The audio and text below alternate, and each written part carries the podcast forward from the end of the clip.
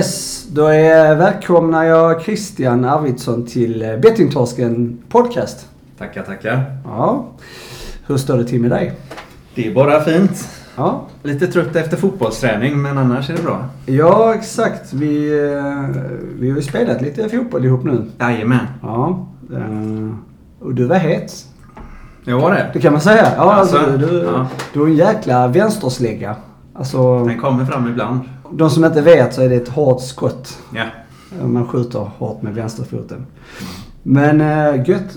Eh, hur, ehm, ja, för de som inte känner dig. eh, jag vet ju vem du är. Ja. Men kan du berätta för ja, de som lyssnar Ja. eh, vem du är? Ehm, ja, jag heter Christian som sagt. Ehm, spelberoende större delen av mitt liv. Och ehm, tog väl tag mina problem egentligen på riktigt för ungefär fem år sedan. Mm. Ehm, har hållit mig helt spelfri sedan dess. Men ehm, mitt liv innan det var ju långt ifrån ett liv på rosor. Mm. Ehm, jag har försökt många gånger analysera vad det var som triggade igång mig från första början. Och ehm, den förklaring jag har kommit fram till det är väl att jag, jag växte upp eh, med en ensamstående mamma i en förort till Göteborg. Och eh, på den här platsen så var det väldigt uppdelat. Eh, antingen så bodde man i villa och hade det bra. Eller så bodde man i lägenhet och hade det mindre bra. Och jag, jag var inte så lyckligt lottad. Så jag bodde i så kallat slumområde. Eh, däremot de flesta av mina vänner, de bodde i villa. Och jag märkte att deras livsstil var någonting som tilltalade mig väldigt tidigt. Eh, de hade ofta fina märkeskläder och åkte på resor med sina föräldrar på fina semestrar och sådär. Och då var det liksom ett liv som jag ville leva också. Fast jag inte kunde det. Så var nog redan på högstadiet som, som jag kom i kontakt med spel. Mm. Eh, det var ju stryktips och sådana här grejer till att börja med. Och jag hade en illegal eh, pokermaskin nere i gatuköket där vi bodde. Där vi började hänga mer och mer. Och eh, som alla andra så förlorade jag de pengarna jag hade. Och eh, försökte hitta andra vägar att få tag på pengar. Så redan under gymnasiet så började jag tidigt begå kriminella handlingar för att kunna finansiera. Jag länsade omklädningsrummen ganska ofta på skolan och sådär. Och det, trots att jag liksom hade kommit in i den här eh, onda cirkeln så ansåg jag aldrig det då att det var ett problem. Utan jag, jag körde på. Det var liksom bara full fart. Och eh, det höll på så under hela gymnasiet. Eh, sen flyttade jag till Uppsala. Kände väl att mitt liv hade gått lite i stå och jag ville ha någon ny utmaning. Ny miljö, nya vänner. Eh, kom upp dit, var i 20-årsåldern och kände inte någon. Jag hade väldigt svårt att få tag på någonstans att bo. Fick bo inneboende på en eh, kristen folkhögskola. Där så ville jag vara en i gänget så jag låtsades att jag var troende. Eh, var med dem på bönestunder och liknande.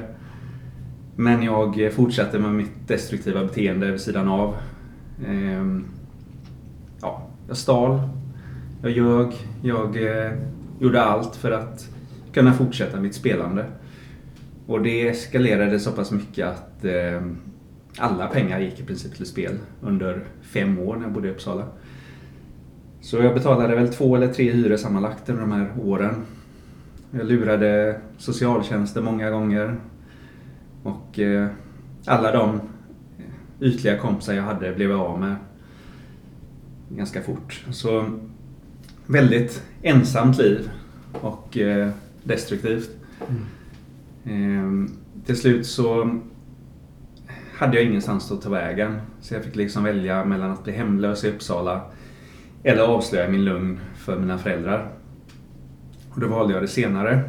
Eh, berättade en del av sanningen. Som vi spelare har en tendens att göra. Vi vill gärna hålla inne med de här värsta grejerna. Så jag sa att jag spelade lite för mycket och att jag även shoppade för mycket. För att liksom förminska problemet av spelet då så sa jag att det var flera saker som ja, som inte stod rätt till. Mm. Eh, De kom upp och hämtade mig med bil. Då var jag 26-årsåldern. Och eh, jag fick bo hemma hos dem då, flytta hem igen. Det första jag gjorde när de lämnade eh, bostaden, det var att jag letade efter pengar. Hittade ett kuvert som det stod semesterkassa på. Lånade, som jag tyckte, det kuvertet och spelade bort det samma dag. Och eh, blev påkommen dagen därpå. Och då, då sa min pappa till mig att antingen så får du ta tag i ditt problem nu eller så kan inte vi hjälpa dig längre. Vi litar inte på dig att du bor under vårt tak om du, om du fortsätter stjäla och sådär. Så, så då hittade vi Spelberoendes förening i Göteborg. Mm. Eh, och jag började gå där. Tyckte det kändes jättebra. Jag började på något sätt kanske eh, hantera mitt beteende och, och vara på rätt väg.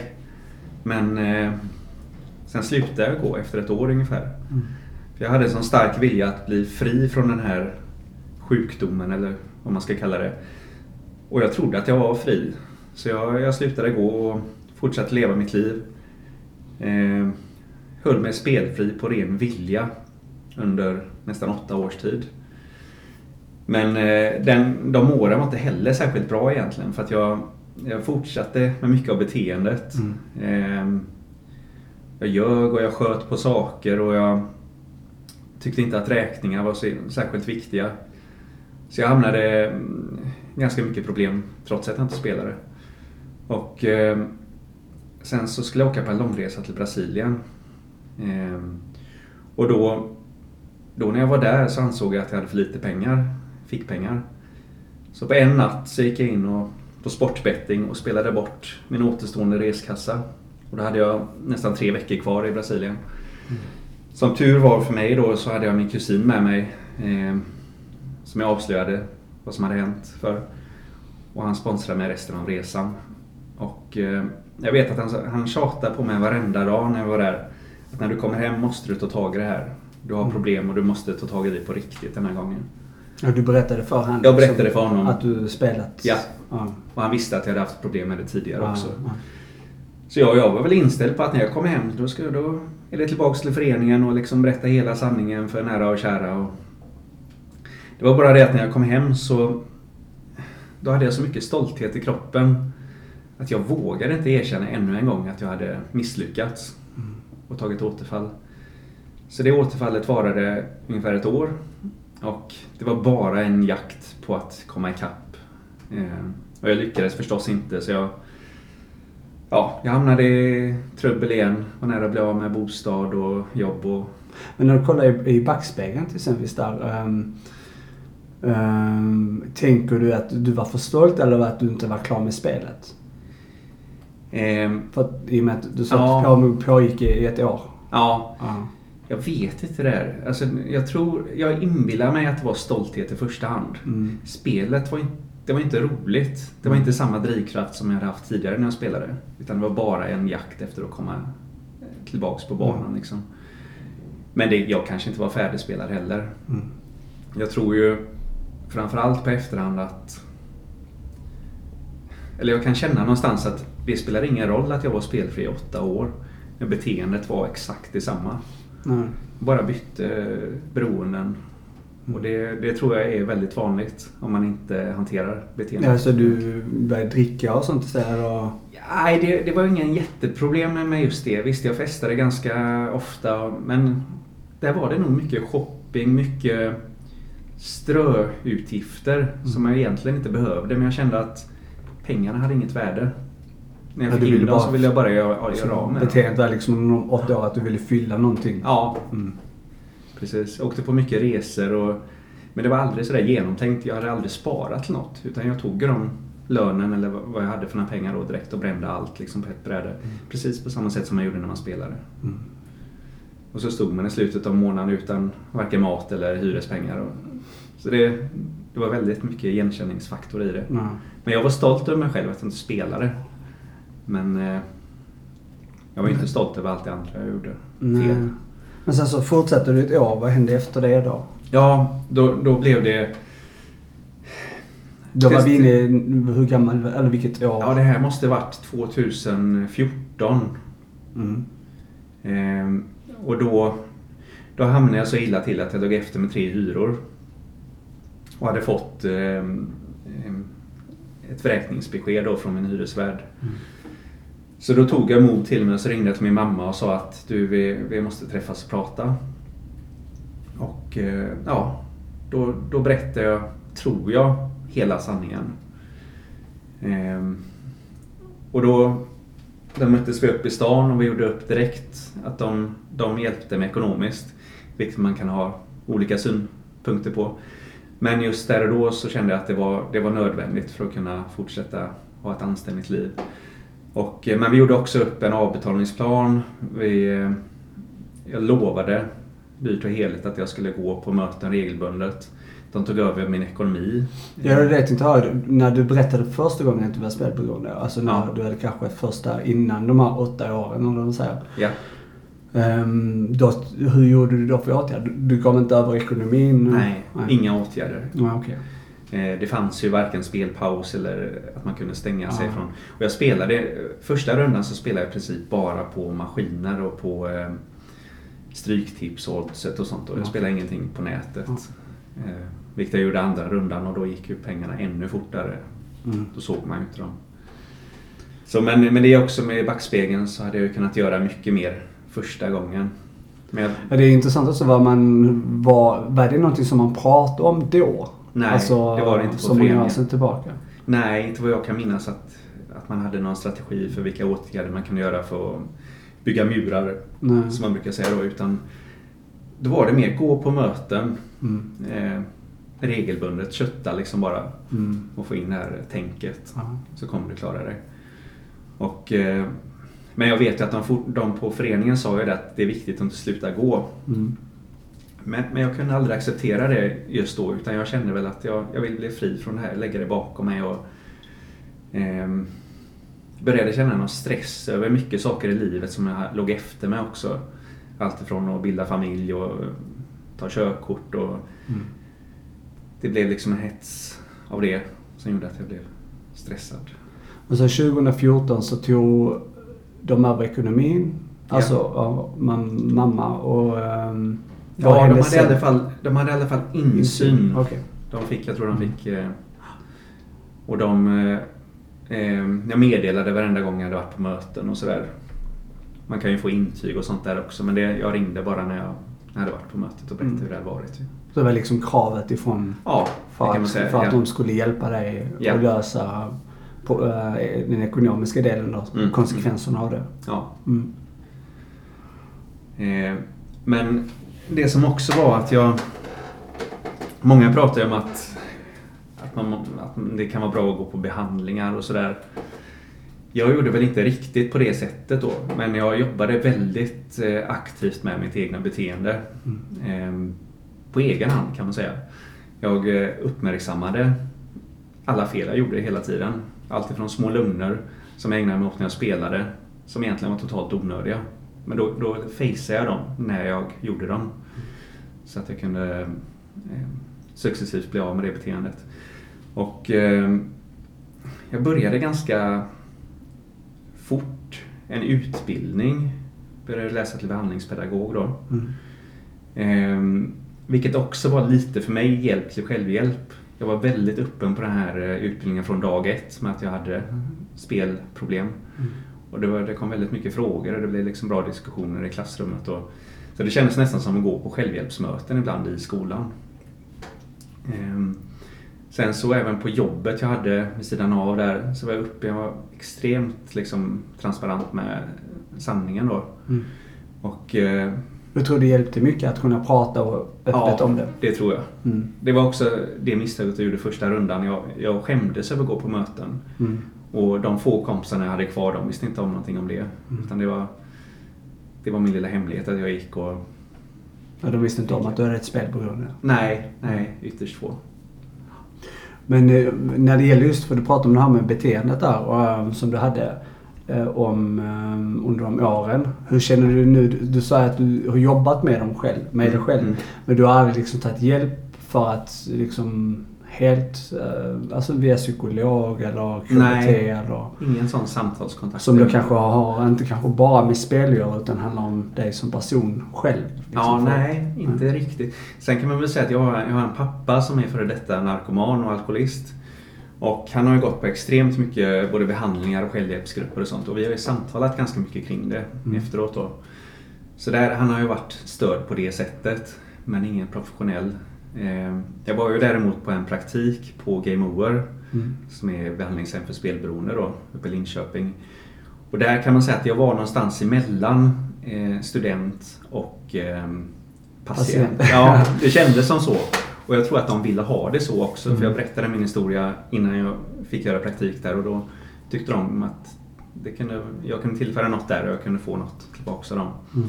Så där var det ju KBT-baserad behandling i ganska stor utsträckning. Så jag satte med på de här mötena varenda morgon och var delaktig också. Mm. Någon form av behandling fick jag väl där. Så det är från 2014 är det till nu, det är sex år. Ja, det är inne på sjätte året. Ja. Ja. Men eh, vad, vad gör du idag? Idag så eh, jobbar jag ehm, på Stadsmissionen Mm. Som stödassistent. Mm. Ehm, Det innebär att vi, vi möter besökare. Det är väldigt många som har olika former av eh, missbruk, eh, hemlöshet, fattigdom. Och eh, det vi ägnar oss åt är framförallt akut nödhjälp. Men det kan också vara att man hjälper dem med kontakt med SOS, länkar dem vidare till olika behandlingar, självhjälpsgrupper och så vidare. Och det jag har märkt på mitt jobb, jag har varit där i ett och ett halvt år nu ungefär, det är att det kommer mer och mer spelberoende. Mm. Och vi har börjat prata i arbetsgruppen att vi ska vara, vi ska vara ännu tydligare med vilka våra styrkor är. Till exempel att jag har mycket erfarenhet av spel. Då kan jag ta de besökarna som kommer med den problematiken. Så att man slussar rätt även på arbetsplatsen då. Och där, eh, där känner jag att, att där har jag ändå en del att tillföra.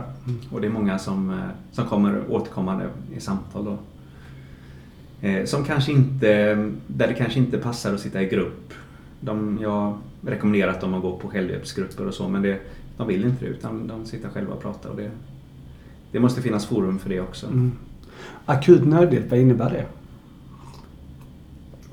Eh, I praktiken kan man säga att det innebär att det vi kan erbjuda det är en öppen mötesplats. Det är en kyrka jag jobbar i, Mm. eh, Johanneskyrkan då. Dit kan man komma och få gratisbröd på morgonen. Men det, det, alltså akut nödhjälp, det, det går till de som liksom är i, i, i, i ett, alltså ett stort problem just nu, alltså akut. Eller? Eh, Egentligen gör vi ingen skillnad på folk och folk. Nej, okej. Vi utgår från att de som kommer dit har problem. Ja. Sen om de har jobb eller om de har fina kläder eh, och sånt, det, det lägger vi ingen värdering i. Nej, nej. Däremot så är det väldigt mycket ensamma människor Mm. som bara kommer dit för att liksom ha någon att umgås med. De sitter kanske hemma hela dagen annars och så. Mm. Men, men då är det liksom, vi har gratis bröd, vi kan ge kläder till dem, eh, billig lunch, eh, bänkar att sova i. För många, många som är hemlösa går ju hela nätterna, bara går runt på stan. Och, så det är väldigt många som ligger och sover i kyrkan. Sen är det många som kommer in och bara vill prata av sig, som kanske har, har djupa sår i sina själar som de liksom vill på något sätt bli av med. Eh, vi har även i kyrkan 32 självhjälpsgrupper i veckan. Okej. Men de är ganska eh, självständiga då från oss. Mm. Eh, Det är otroligt bra, viktigt eh, jobb du gör, eh, Mm. kan man absolut säga. Jag tänkte höra bara en sak med att ehm, tror, hur viktigt tror du det är att, eh, för du pratar om att din pappa har ju också en bakgrund och Mm.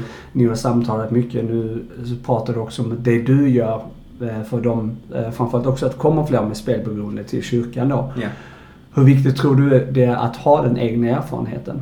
Alltså om du jämför det med då någon som är utbildad i, i proportion till exempel att vara en psykolog eller socionom som oftast är de som har då jobben kan man Mm. säga att behandla.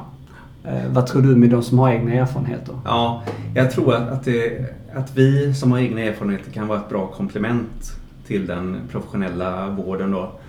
Eh, skillnaden som jag märker ofta det är att vi med egen erfarenhet kanske har en tendens att kämpa vidare lite längre med de här människorna än vad vården har. Att vi ger dem fler chanser för vi vet vad det innebär att till exempel inte vara färdigspelad men ändå kämpa för att liksom hålla sig ifrån det. Och vi vet att återfall är en del av processen också. Så där kan jag känna att eh, till exempel mina kollegor som inte har någon erfarenhet av spel och som har haft många besökare tidigare som kommer med den problematiken. De kanske slussar dem vidare och säger men gå till spelberoendes förening eller liknande. Mm. Och så har de gjort det och så kommer de tillbaka och säger att det funkar inte. Och då finns det liksom ingen plan B. Hur gör vi nu då? Och där, där kan jag känna att jag, jag kan... Eh, jag har mer tålamod än vad många som inte har erfarenhet har. För jag vet att, att, det, är, att det är en lång process.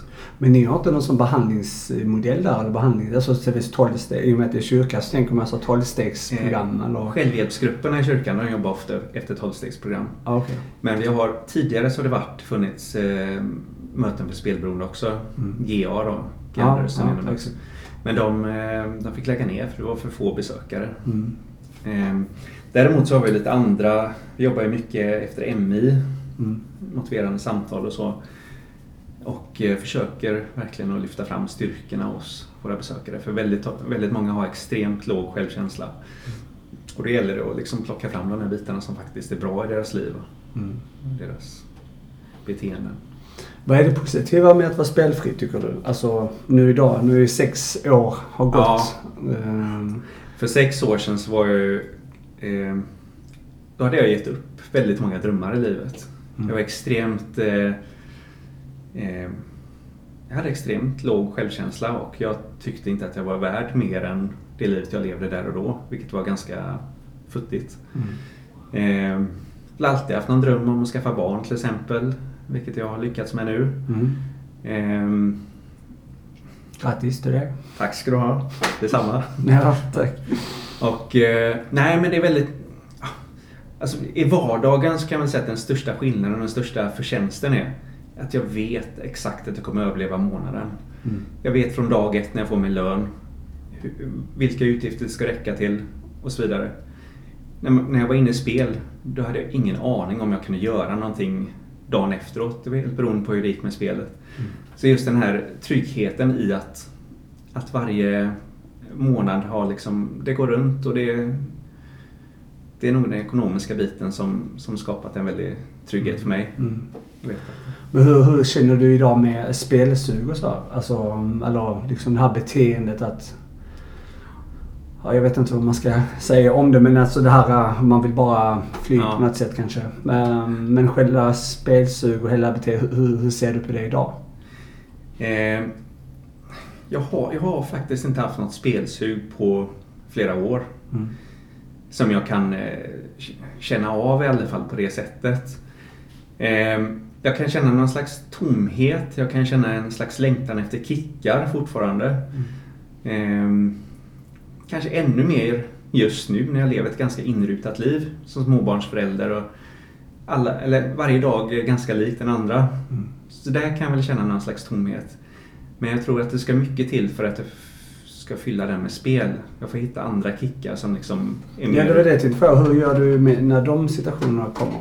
Alltså att jag menar, jag själv, eh, vi diskuterade här tidigare om jag hade ju en, eh, och det är, jag vet inte om det är en kick eller vad det är, men jag, jag har ju, eh, var ju väldigt nära, eller nära var jag inte, jag pratade med min tjej då om att jag ville engagera mig i, i börsen då. Ja. Alltså i, ja.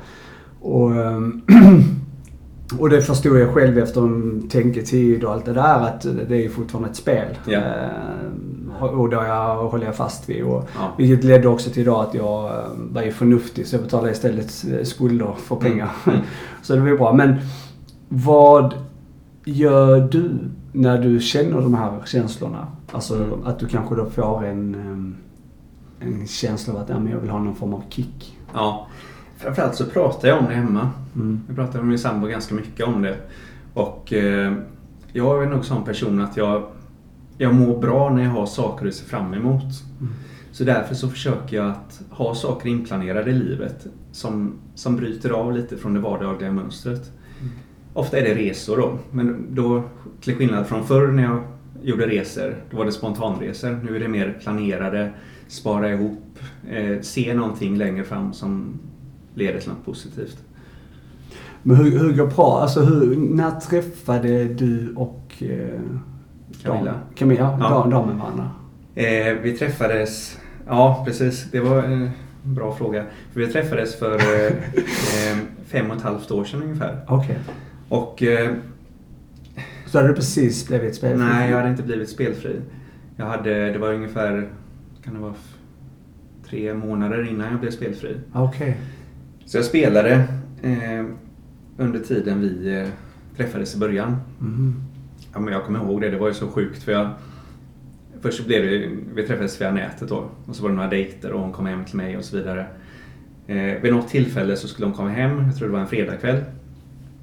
Vi skulle se någon film och ha lite, äta något gott och sådär. Det var bara det att jag spelat bort varenda krona. Så jag gick runt eh, i stan och samlade pantburkar för att kunna få ihop till en chipspåse i alla fall. Oj. Sa du det? Visste hon om det? Eller Nej, hon har fått reda på det på ah, efterhand. ja. Och så smsar hon. Ja, ska jag komma eller ska jag inte komma idag? Ja, men jag, jag är med en kompis just nu men jag ska försöka komma härifrån snart. Och det jag gjorde var att jag gick och samlade burkar då för att få ihop den här snacksen. Så till slut så eh, lyckades jag köpa en sån påse och så sa jag till henne att nu kan du komma då. Men det var klockan rätt mycket på kvällen. Alltså det är så jävla sjukt. Ja, Alltså. det är det ju helt sjukt. Och det som var ännu sjukare just med att vi träffades där och då. Det var att jag berättade väldigt fort för henne att jag hade haft ett spelberoende. Och hur jag hade tagit mig ur det och så vidare. Fast det var ju ren lugn. Jag var ju inte ur det. Eh, och då, då blev hon nästan stolt över mig och berättade att hon hade en lillebror som är spelberoende.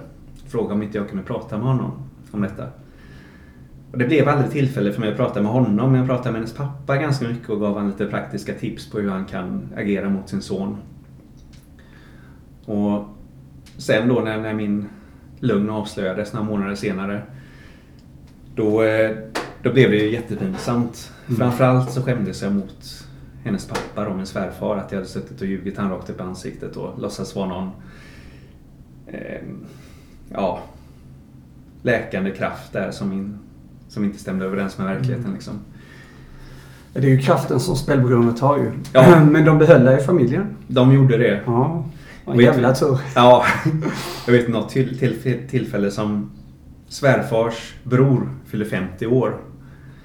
Eh, och då hade han varit där och, och eh, druckit ganska mycket, så han var väldigt berusad. Så vi fick åka och hämta honom med bil och köra hem honom. Och så kom vi in i hallen där. Och så säger han på lite sådär eh, sluddrig, sluddrigt så säger han ja, jag, jag har druckit väldigt mycket idag. Men jag spelar inte. Och så tittar han på mig med skarpa ögon. Och det, det kommer jag ihåg att det var liksom, det tog lång tid innan han förlät det. Men jag tror han har gjort det idag. Mm. Ja, det är ju liksom... eh, Ja, det är ju kraften av spelberoendet. Att man ljuger ju Ja, konstant. Ehm, ja.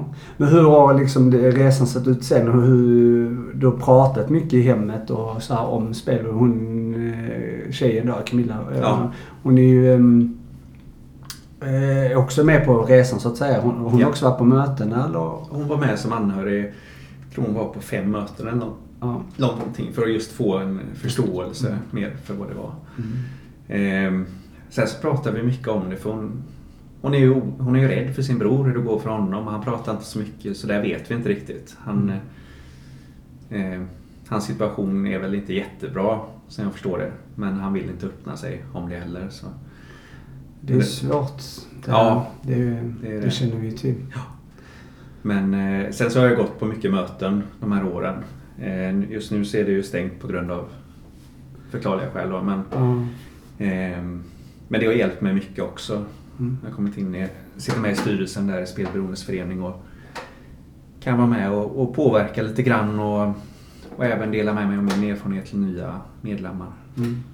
Men hur, hur, för det tänkte jag också prata lite om. Eh, eh, om just, eh, vad heter det, och hur du har sett när det gäller spelberoende. Har du, för nu är vi ju i en coronakris och vi har ju lite distan, distans här när vi spelar in så folk behöver Ja. inte vara oroliga. Nej. Eh, Men... eh, eh, Och det är ju faktiskt, det får man ju ta seriöst. Det är ju, det är ju, det är ju en, Absolut. pandemi och ett- ett stort problem i samhället. Men jag tänkte, hur, hur märker du av det? Har du märkt av någonting just när det gäller eh, spelberoendet? Alltså om det är flera som har sökt hjälp eller liksom, ja. För det är ju många som Ja. är permitterade och det är många som sitter hemma och ja. Ja. Eh, nej men som sagt jag har märkt på mitt jobb att det kommer fler och fler som, eh, som säger att de är spelberoende. Sen är jag osäker på om de har varit det under lång tid eller om det är något som har kommit upp nu. Men eh, min gissning är väl att många för, provar på spel idag för att de är rädda för sin ekonomi och vill hitta den här genvägen som vi alla har gjort som spelar eh, till en stabilare ekonomi. Mm. Eh, Och jag hörde någon, läste någon siffra någonstans att nätkasino har gått upp med 30% bara under den här korta perioden som viruset har varit då. Ehm, Så det går ju ganska hand i hand med att Systembolaget har ökat försäljning och sådär. Eh, Folk som är permitterade sitter hemma, har ingenting att göra, är oroliga för sin ekonomi. Då är ju både alkohol och spel väldigt nära till hands. Mm. Så jag tror att det har ökat. Mm. Hur ser du just det, om vi ehm, ehm, eh, his- historien lite. Jajamän. Ehm, tack så mycket för att du Tackar. delar med dig. Men, eh, jag tänkte höra hur, ehm, hur ser du på spelberoendedebatten idag? Alltså ehm, eh, generellt. Eh. Bred fråga kanske. Ja. Men, men det, det finns ju mycket. Nu har ju för något år sedan skrivits ju det in i socialtjänstlagen. Mm. Eh, Att eh, spelberoende, och det vet ju många om som lyssnar på, på Mm, podden mm. här. Och sen eh, så är det ju li- licenssystemet Ja. eh, infördes. eh, Och eh, sen har vi ju då spelpaus Ja. som eh, också då infördes som en säkerhet så att säga. Ja. Vad, vad, vad tänker du? Vad, är det något du vill kommentera kring allt det här egentligen? Alltså jag, tycker det, jag tycker verkligen att det är bra att det börjar hända saker. Mm. Sen så tycker jag definitivt att det går för långsamt och att det är för veka eh, åtgärder. Då. Som, eh, jag tänker med spelpaus till exempel, max ett års avstängning. Det visar någonstans var staten lägger nivån. Eh, vi diskuterade lite innan också. Just det här kring om man kan gå från att ha varit spelberoende till att spela lagom. Mm. Mitt eh, övertygande svar är att man aldrig kan det. det jag, jag tror att den, det kanske är en på miljonen som lyckas med det men de allra flesta eh, som har haft ett spelberoende likväl som andra beroenden eh, de klarar inte av att hantera det någon gång i livet och man får bara acceptera det. Och, så på det sättet så tycker jag att spelpaus är lite ett hån mot oss spelare då. Ehm, Jag, jag tycker det, för jag vill stanna kvar lite grann i den frågan. Eh, för vissa försvarar ju det med att, ja men om en patient, som man då kan kalla eh, kommer in och har spelberoende, har spelat kanske precis som du och jag hela våra liv. Mm. Eh, Det är liksom ett inrutat mönster i vår hjärna. ja. tar lika lång tid som vi har spelat som att bryta det mönstret eller bygga nya eh, broar i hjärnan för att Ja. det ska fungera. Om man pratar vetenskap. Mm. Men då säger då, då kanske då de som jobbar inom behandlingen att om det är ett mål de har att kunna spela lagom. Mm. Vad tänker du liksom när eh, en spelberoende kommer in och säger det? Ja, jag kan, ju- jag kan ju dra liknelsen här till föreningen, Spelberoendes förening. Det är väldigt många som kommer dit första gången och säger att mitt mål är att spela mindre eller spela lagom. Mm. Och eh, där har vi nolltolerans. Men vi, vi förbjuder ingen att uttrycka den åsikten. Men majoriteten av de som kommer med den inställningen de ändrar åsikt ganska fort när de börjar bli med på möten och få ökad förståelse. Och jag tror det är lite samma sak där. att Det är klart att jag, liksom de allra flesta som har spelat, har någon slags dröm eller önskan eller illusion om att någon gång kunna spela lagom. Men jag tror att man eh, slår knutben på sig själv om man verkligen tror på riktigt att det kan bli verklighet. Och där, där känns det som att vården ger någon slags falsk eh, tro på det till människor som kommer med den inställningen. Men är inte det bara liksom en åsikt någon har för stunden för att de är rädda för att har man då identifierat sig som en spelare, Mm. eller man har hållit på med det hela livet. eh, Ja. Och det är ju det är en del av vem man är. För att den inställningen är du och jag och alla Ja. andra som har ett spelberoende. Att jag eh, spelar poker, jag är pokerspelare. Jag är eh, bingospelare. Jag Mm. är en eh, travexpert. Mm. eller jag är en fotbollsexpert. Alltså man är expert i det man gör för att man har gjort det i 10, 15, 20 år kanske. Ja. Eh, Det är väl egentligen kanske åsikten att man identifierar sig som den personen och det är den personen man inte vill släppa. Ja. För man vet inte vem man skulle i så fall vara. Jo men det... Och det är väl kanske säkert. det, är kanske det som vården borde identifiera egentligen. Ja. Eh, tänker jag. För jag är också helt enig. Jag tror inte på det där med falsk... eh, Att man ger en falsk bild av vad, man, vad det kan bli. Nej. Jag har ju aldrig träffat någon heller som kan spela lagom efter att de har fått spel på Nej, inte jag heller. Eh, ja, precis som du har tagit i återfall Mm. och man testar att spela lagom. Mm. Eh, och då pratar vi om att spela för en lägre summa än vad man gjorde innan. Mm. Så, Mm. eh, och det ger ju absolut ingenting. Nej. Man får ju ingen... Eh, ja. Men sen så tror jag också där att det kanske är lite hårt sagt men, men eh, jag är ganska övertygad om att staten till viss del är beroende av spel. Och just den här ettårsgränsen som då infördes från början. Jag tror det är ett sätt för staten att se hur mycket förlorar vi på att bli av med alla de här spelarna. Inser, inser de då att de förlorar alldeles för mycket pengar, ja då kommer de inte ha en ökad liksom, spärrtid heller. Mm. Så, så jag tror att det, det handlar mycket om ekonomi Mm. i grund och botten. Jag förstår heller inte då att det, att det bara är ett... De kallar det ju tills vidare men det... det, det Man måste ju aktivt gå in och förlänga. Precis, Ja. exakt. Eh, ja men det är bra. Ehm, och ehm, vad, vad, vad tänker du mer? Vad, vad behövs göras med, alltså som du ser nu, för du är ju ganska insatt också, eller till viss del i, i debatten kring spelberoendefrågorna. Vad tänker du exempelvis om licenssystemet? Jo, men i grund och botten så tycker jag att det är bra. Sen så kan jag inte säga att jag är övertygad om att, eh, att det går att kontrollera på ett bra sätt. Där känns det som att eh, staten har en strategi för hur de ska hantera det i verkligheten. Ehm, jag tänker mer så här, var går gränsen? För eh, vi vet ju till exempel att kombinationen alkohol-spel är dålig. Och eh, hur berusad får man då vara för att få spela på krogen till exempel? Mm. Det är sådana här frågor som jag tycker är jättesvåra och som det känns som att det finns ingen tydlig strategi för. Mm. Sen så är ju det är samma sak med nätbaserade spelbolag som har licens då. Ehm, jag tycker att det är lite för veka åtgärder man har gjort. Det är ju det senaste nu som det pratas om att, att det är flera spelbolag som har satt en maxgräns per vecka hur mycket man får spela för.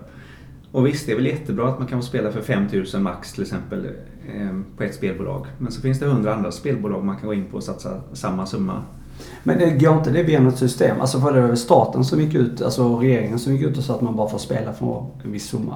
Att Ja, det krav på spel. eh, Men gäller inte det generellt? Alltså att de har ett... Jag har ju inte undersökt det här faktiskt, Nej, jag, jag själv. jag har inte förstått det så utan jag tror det är Ja, per okej. spelbolag. Det är eller- per spelbolag som har licens? Ja. Okej, då är det väl Så det kan ju bli en väldans massa pengar ändå. Så. Ja.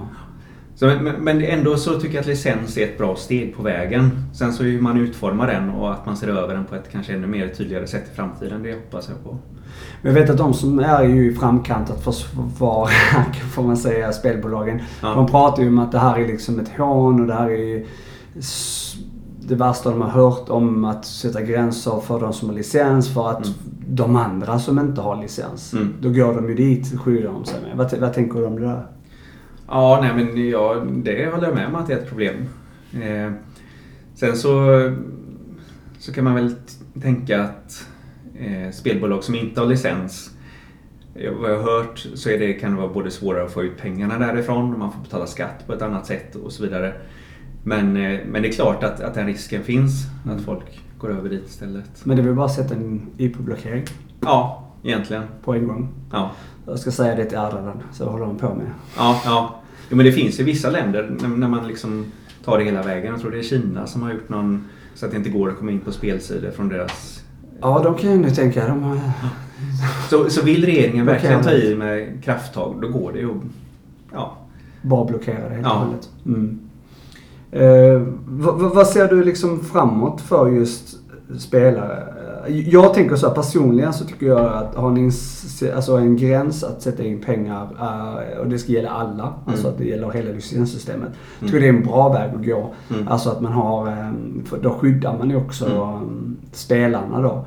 Att de inte kan Ja. eh, spela bort mer än vad de har. Men, men som sagt, summan är ju egentligen irrelevant för att Det som kan vara mycket för någon kan vara lite för någon annan. Ja, ja. Och vice versa. Och, men att det finns ett system, jag tycker det är bra. Ehm, men vad tycker du mer? Vad, vad behövs göras mer i, i frågorna kring spelberoende då? Eh, Min erfarenhet av människor som har spelat bort väldigt mycket pengar det är ju också att de har haft möjligheter att ta väldigt mycket lån. Mm. Så där, där känner jag att låneinstituten och sånt, de behöver man ju se över mycket hårdare och ställa mer krav på.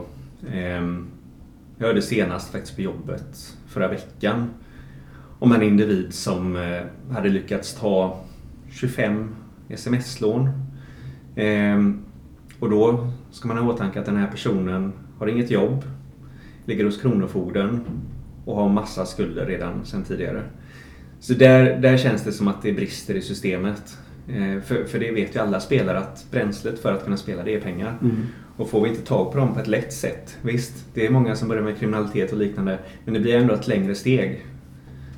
Så det, Lånpaus.se. ja, varför Där har vi inte? det. Ja, ja, Så att ehm, det är bara att jaga upp dem. ja, Samla alla kreditbolag och lånebolag. ja, Och så, så ringer man upp dem och säger till dem så här ser det ut. Nej, man får ju ringa säga till eh, staten bara. Fixa ja, det. jo, något behöver göras där alltså. Ja, faktiskt. Ja, vad tänkte jag säga? Ehm, eh, jag, har jag, vad, vad känner du för fråga som jag har missat kanske? Kanske missat någonting som är viktigt. Ehm, nej, men det, det som är just nu det är ju lite hur vi, hur vi ska hjälpa människor som är i spel just nu. Mm. Vi vet ju att vi lever i en pandemi som vi inte vet hur länge det kommer vara. Mycket av vården är nedstängd idag eller digital. Ehm, alla har inte tillgång till digitala hjälpmedel. Så det är väl, där känner jag en fråga som brinner för mig personligen. Både via mitt jobb och, och liksom privat. att eh, för, för uppenbarligen så ökar spelberoendet i landet medan hjälpen minskar. Mm. Vilket tror jag kan bli förödande. Men det är det, det, är det ja, för, för att det är väl, ehm, det är väl alla självhjälpsgrupper har väl mer eller mindre stängt ner va? I Ja. landet. Det, det tror jag. Ja. Ehm, och det, det är ju en trygghet för många att kunna komma till en plats. Mm. Att, eh, men hur, hur ska man lösa det på något smart sätt? Ehm, För digitala möten eh, är ju ett bra steg att, gå. Ja, liksom. Det är ju ja. många ideella föreningar som, som gör det och vården gör också det. Ja, De har också ja. digitala möten. Så eh, men vissa vill ju på grund av sekretess och annat inte ha, vara med på Nej, det. Och då missar man ju den biten då. verkligen. Jag har inget bra svar på det. Alltså nu, nu när årstiden börjar vända sånt så kanske man kan ha utomhus möten i någon form. Mm. Där man har lite mer distans till varandra och sådär. Ehm, men eh, jag har inget jättebra svar. Men jag tror att vården framförallt måste vara rustad för framtiden. När alla de här hjälpsökande kommer som inte har fått någon hjälp sedan tidigare. Där problemen förmodligen har eskalerat ännu mer. Mm. Fram tills allt är tillbaka till normalt igen. Liksom. Mm. Ja. Hur, eh, nu börjar jag komma upp lite i tid här så det, det är bra. Eh, Men eh, vad har du för eh, spännande planer framöver? Eller har du några spännande planer? Du Eh. sa ju det att du gillar ju att ha lite planer. Ja, ja precis. Så eh, nu får du berätta. Ja, vad har jag? Vi, har, vi har ju flyttat till hus ganska nyligen. Så det, där har vi mycket planer. Vi ska liksom bygga ut och vi pratade om att skaffa höns så småningom. Höns? Höns ja. Okej, Så vi kan ja. få våra egna ägg på morgonen och sånt. Ja, spännande. Så det är lite så, små sidoprojekt där. Eh, jag är verkligen ingen eh, hantverkare. Så det blir en utmaning att liksom lära upp sig själv då. Ja, det är ganska... Det kan vara lite lurigt att Ja. köpa hus och inte vara en hantverkare. Verkligen, verkligen. Men... eh, Vi pratade först om att köpa något lite sommarställe och liksom öva på det. Ja, Men så blev ju situationen som den blev med att vi fick barn och sånt och då var vi tvungna att flytta till något större. mm. Eh, nej men det är något där. Sen så har jag väl... Eh, jag bokar en resa som jag sa förut. ja får hoppas att det öppnar upp sig. Ja, precis. Det är först nästa år. Men det är också någonting som man har att se fram emot. Så. Mm. Eh, nej, men annars är det mycket det här att, att se den lilla växa. Mm. Att liksom försöka ta tillvara på varje stund där. Och eh, även hitta vilopauser förstås i vardagen. Mm. Det, Vad har du för tips till, ehm, till en person som har, ehm, är ett spelberoende just nu? Alltså som aktivt spelar för utom kontroll, så att Mm. säga. Nej, men mitt absolut bästa tips det är att våga öppna upp sig. Eh, det är så jädra lätt att bara gå in i sina fantasier och tro att sanningen är livsfarlig och att alla kommer hantera den på ett eh, dåligt sätt.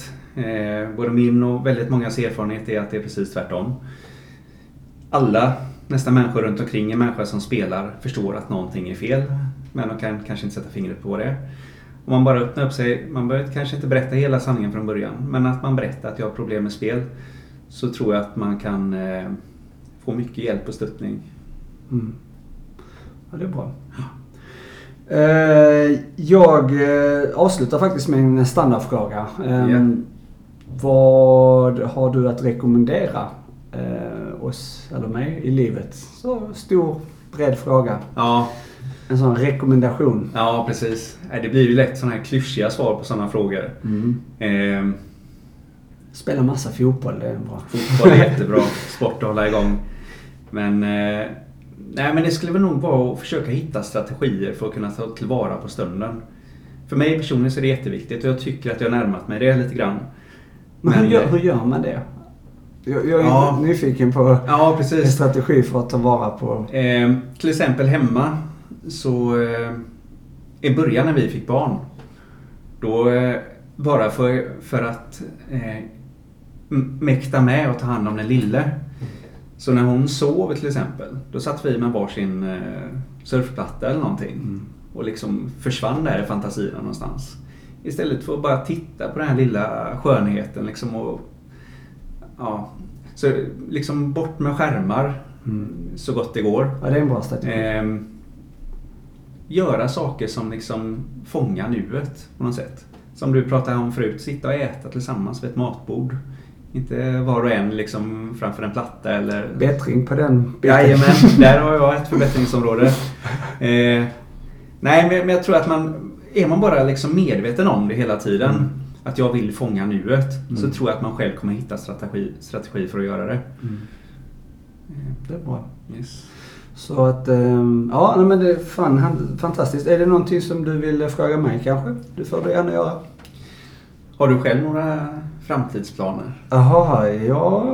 Eh, alltså jag vet, alltså mina framtidsplaner är egentligen att jag vill, eh, jag ska försöka bli av med mina, jag har ju skulder som Mm. får mitt spel och det har ju liksom, det kommer man ha länge.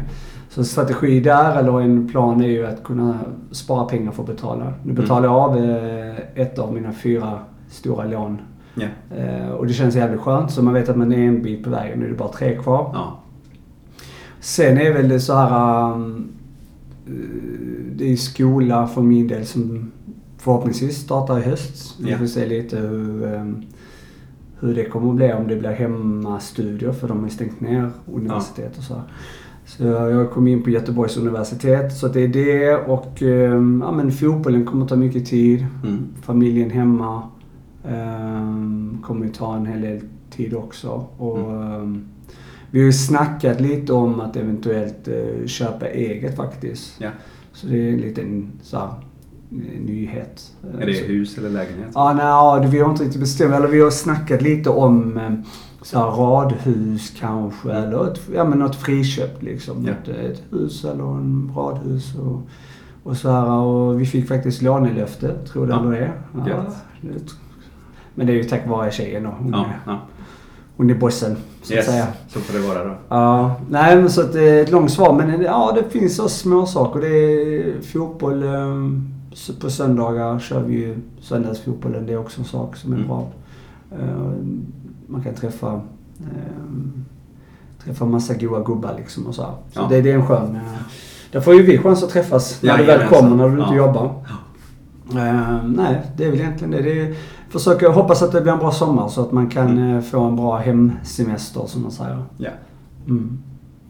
Gött. Gött, gött. Okej, men jag får tacka dig Christian för att du ville vara med. Tack själv. Och så, ja, tack.